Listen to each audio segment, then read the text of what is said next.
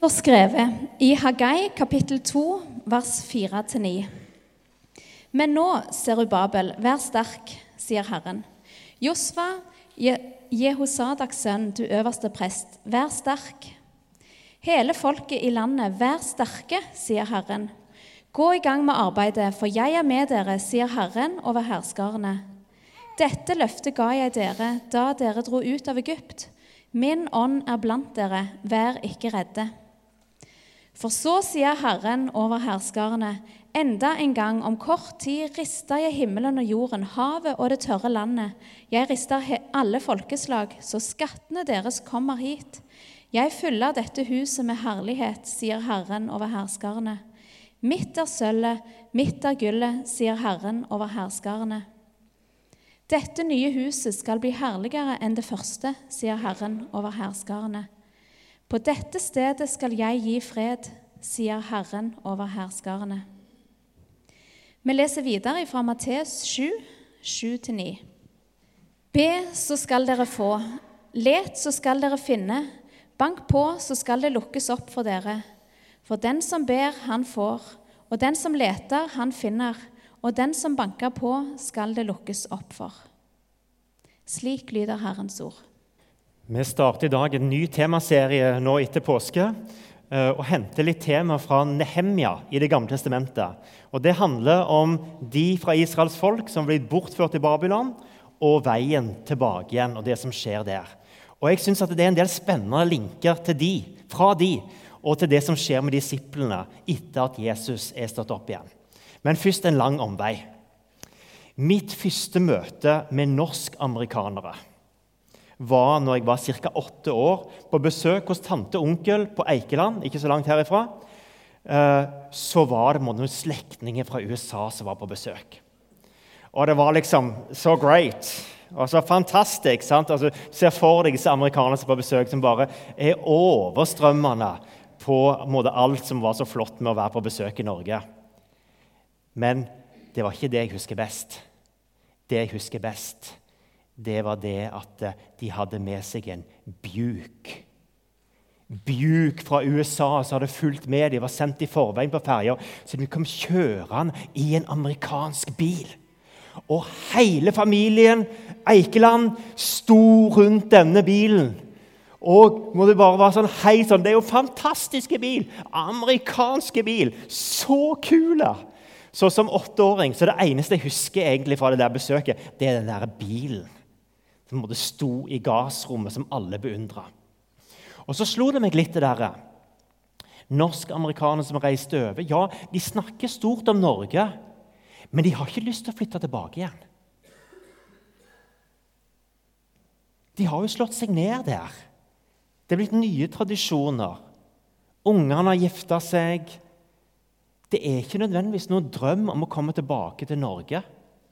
For de opplever at de har det bedre der enn kanskje de ville sett for seg å ha det her. Israels folk er ført måte, bort med makt, ja. Men de har bodd i Babylon, Iran, Irak i 50 år. Det begynner å bli to generasjoner som er født i Babylon og vokst opp der. Selv om de har hørt besteforeldrene snakke om det der fantastiske Israels land og Guds løfter og fantastiske historier, så er det ganske mange som har, ikke har noen drøm om å reise tilbake. Fordi de har slått seg ned. Og tre av de lederne som vi får høre om i Esra Nehemja, ser jeg for meg må det er av denne nye generasjonen. Men de får et oppdrag fra Gud til å ta med seg en gruppe tilbake igjen. Men vi ser samtidig at de har ingen drøm om å bli værende. De vil tilbake igjen til Persia og til Babylon. Så det er den ene sida. Den helt andre sida handler om de som var kommet vekk, og som lengta tilbake. Og så hadde gitt dette videre til ungene sine og til barnebarna. Og sagt Tenk om vi en dag kan få vende tilbake igjen. Og For å få tak i litt den følelsen der, så har jeg lyst til vi skal låne en historie fra Ali Jabur en av de første syrerne som kom til Ålgård i 2015. Det ble lagd en video om han på veien fra flyktningleiren og når han kom til Norge. Og Her er litt om hans fortelling på hva han tar med seg fra Syria når han reiser på flukt.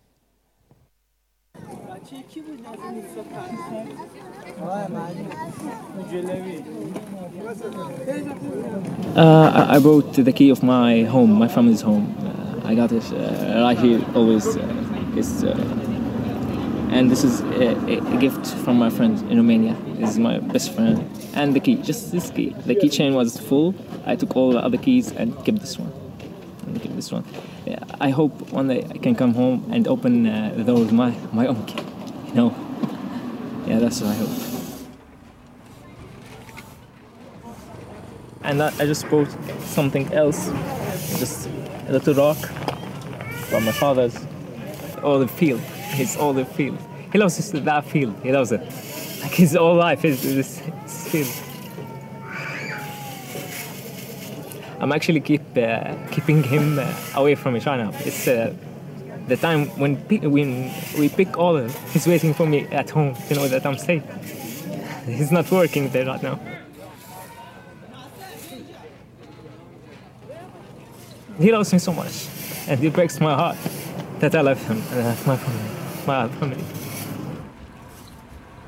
We've never been that close, you know. He he he is uh, that kind of father that uh, uh, that uh, wants uh, that believes in in the tough love uh, attitude, you know, like uh, he show us his love by being uh, firm with us, by telling us do this, do that, uh, you should do this, you should be good, you should uh, teaching us values, uh, wanting us to be good persons and do something with our life. That's how he, he loves us. He, he hugged me maybe a couple of times in my life, you know. Uh, When I, when I hugged him goodbye and I didn't wa- want to watch him cry, that's when he started crying. He even offered me some, uh, I don't know what it's called, uh, fruit. It's fruit uh, that uh, grows in uh, our hometown. He, he knows that I love it. It's called teen. And he, wanted, he said to me, I want to remember you with that.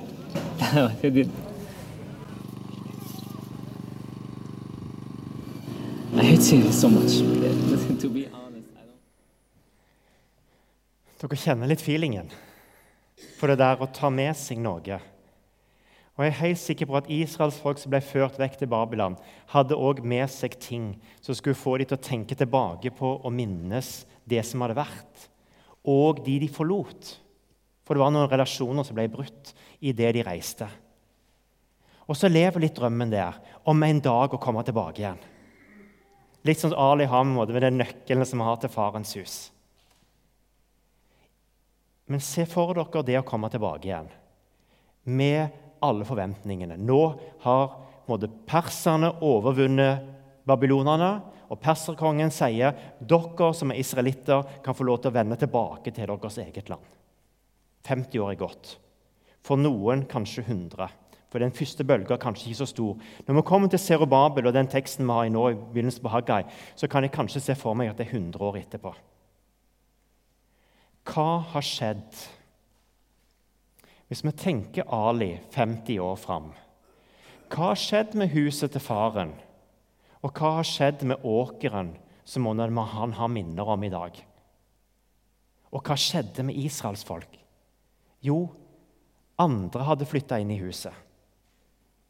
Det var andre som hadde overtatt denne åkeren og dyrka den i 50 år.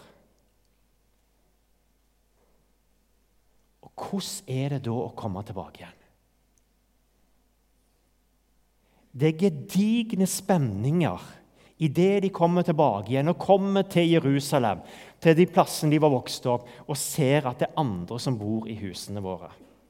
Og det er andre som driver måte, markene og alt det som måte, vi har hørt så mange historier om.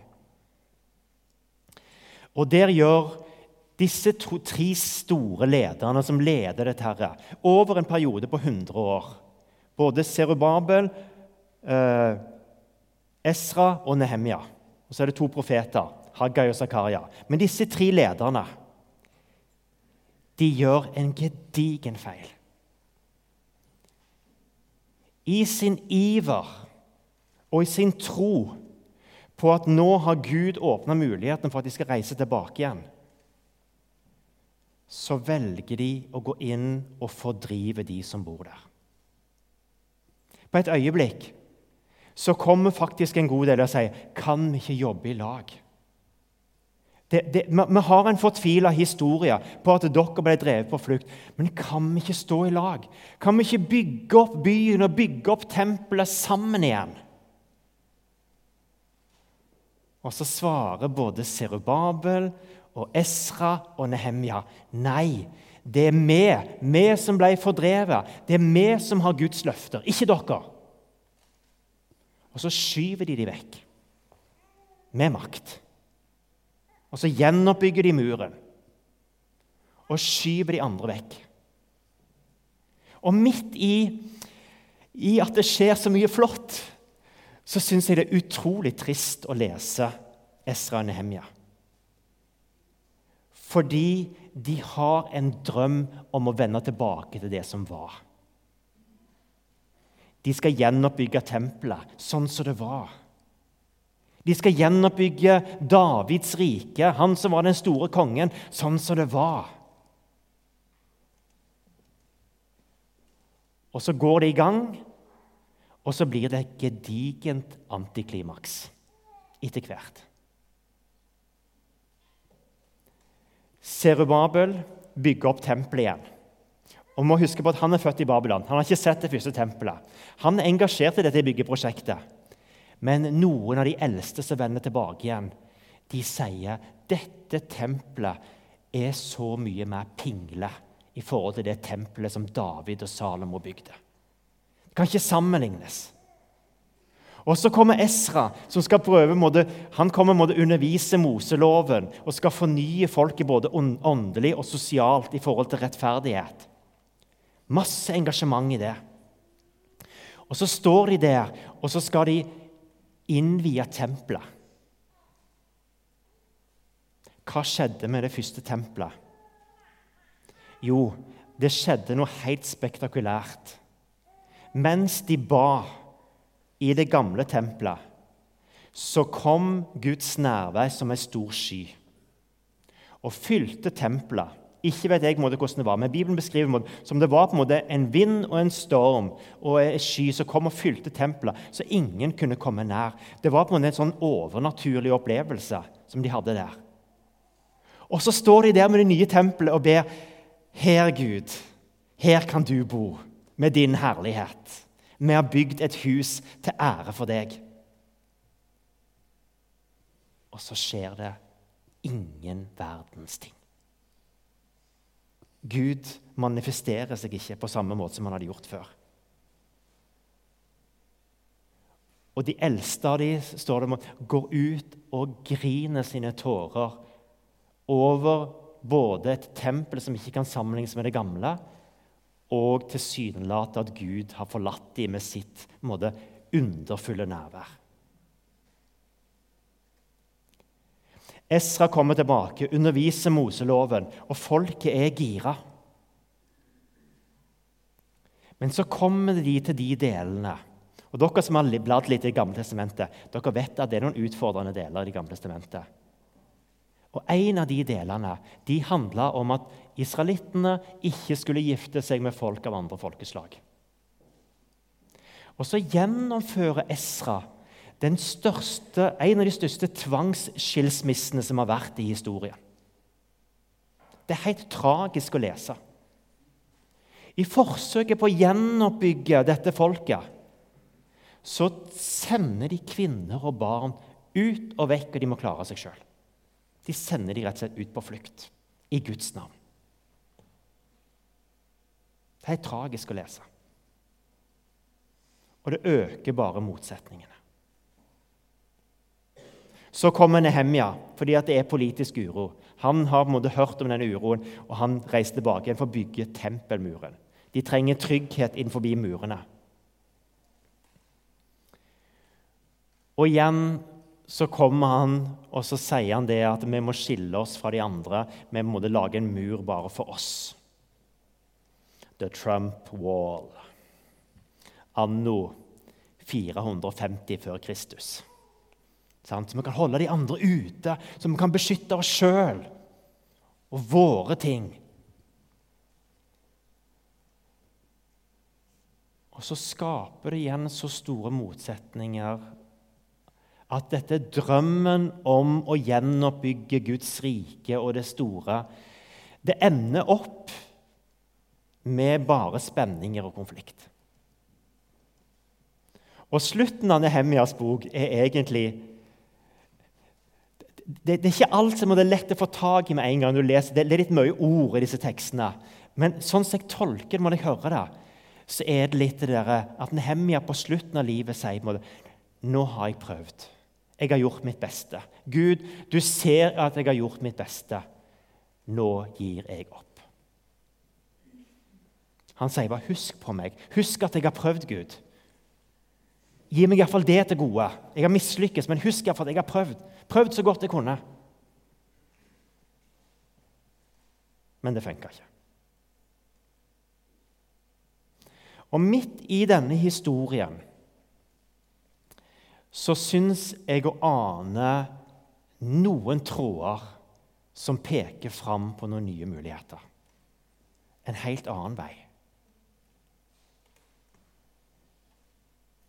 Og Hvis vi tenker vår egen troshistorievandring, så kan vi kanskje se tilbake på noen sånn storhetstider og måtte sterke opplevelser med Gud og det ene og det andre. Og vi kan ha en drøm om å vende tilbake til det. Men det er noe at vi må være her og nå. Vi kan ikke bare drømme oss tilbake til det som en gang var. Vi må være her og nå.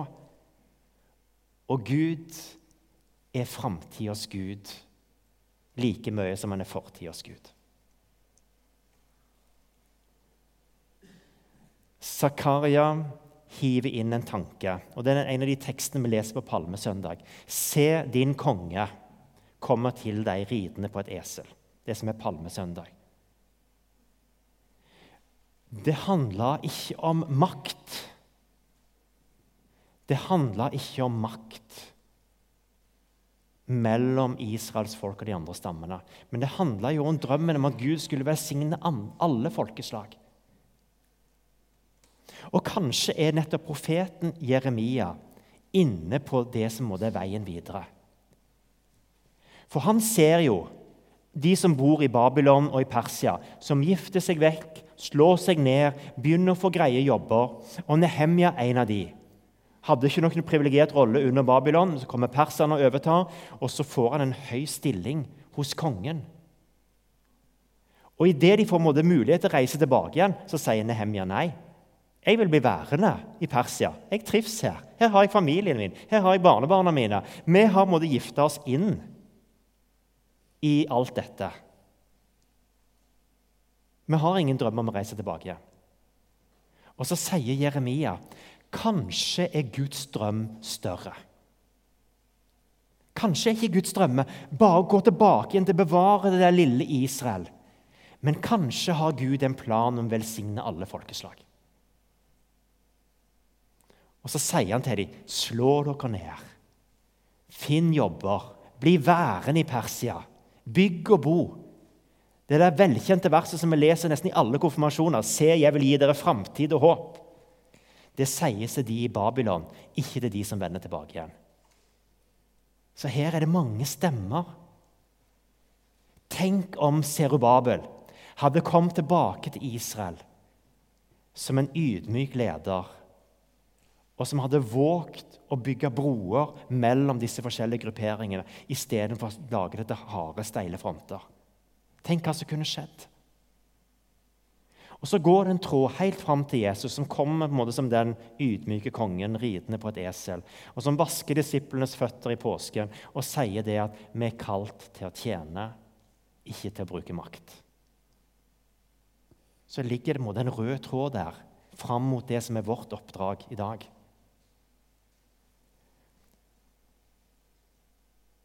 Og så sier profetene noe langt tilbake òg om at eh, Guds nærvær, hvordan Gud skal være til stede, handler ikke bare om bygg og templer og praktbygg og sånne store happenings, men om at Guds nærvær skal være i oss.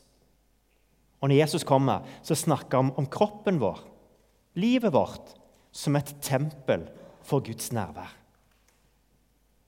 Plutselig så er måte, det som de bare så for seg, måte, var at Guds herlighet skulle fylle dette her bygget, og at det skulle være greia. Så er det Guds nærvær inni oss, i oss, som er greia. Og Derfor dette første temaet den som ber. Den som ber. Både Serubabel og Nehemja og Esra ber. Og Det er mye spennende å lære fra deres bønner, selv om de gjør noen katastrofale valg når vi ser på historien i etterpåklokskapen. Men de ber. Og i det de ber, så er det òg noe som peker framover mot Jesus og hans komme. Den som ber, blir berørt av Guds kjærlighet for de rundt seg. Den som ber. Den som ber, blir berørt av Guds kjærlighet for de rundt seg.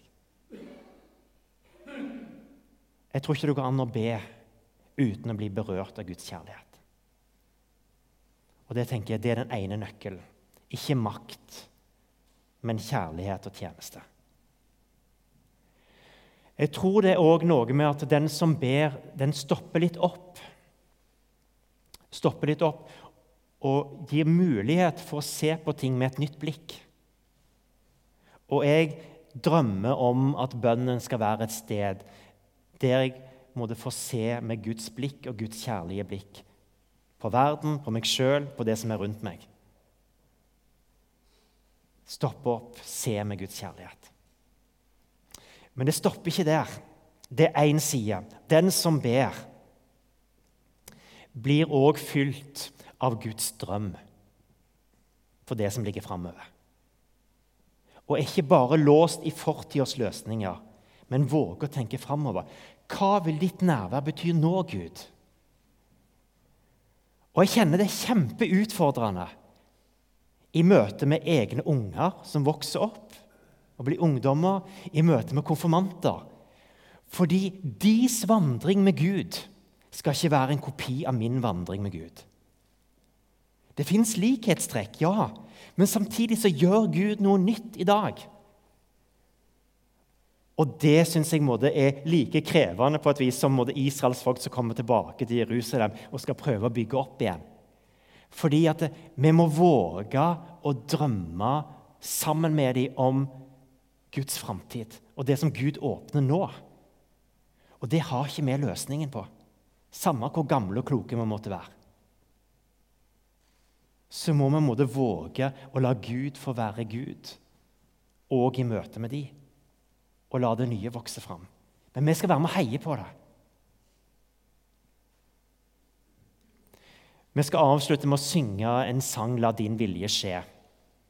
En bønn som Jesus ba, og som han lærte oss å be. Og Når jeg tenker liksom på den tida etter påske og det som ligger framover og Egentlig så begynner jeg allerede å drømme neste skoleår. Jeg ligger liksom, liksom i planlegging på neste skoleår. Så jeg litt hva er det Gud ønsker å gjøre i mitt liv, i ditt liv? Hva er det Gud ønsker å vise deg av sin kjærlighet til deg og til å løfte blikket ditt og se rundt deg? Så at vi kan være en del av Guds framtid og Guds håp for verden. La din vilje skje.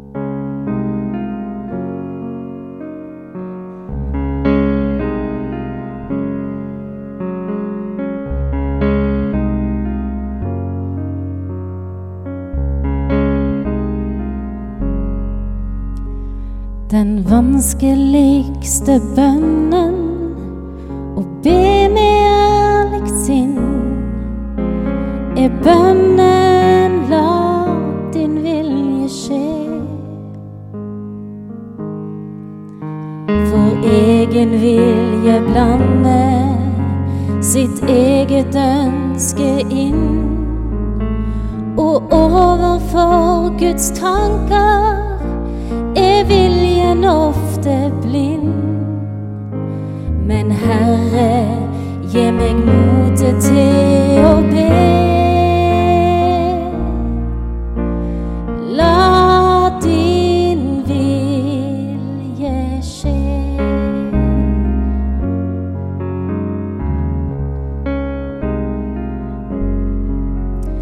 Den siste sterke bønnen som gir Jesus lova, var bønnen la din vilje skje.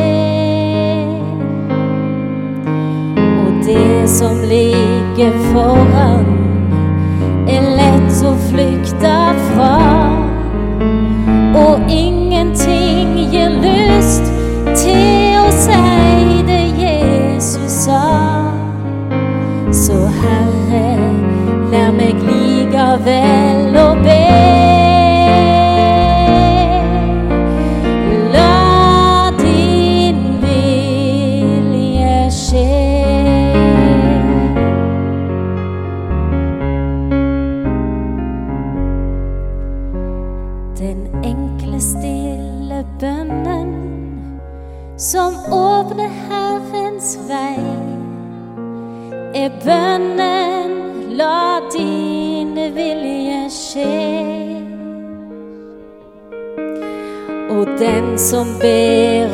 dette, vil ikke lett gå lei, men stadig overraskes og stadig undre seg.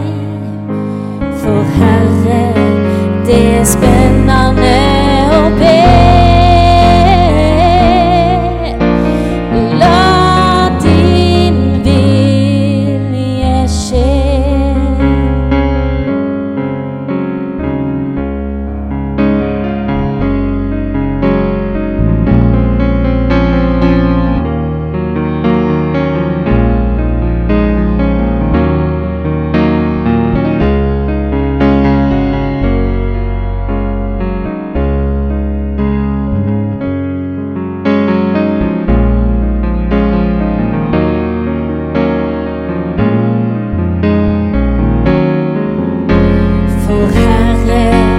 desesperada.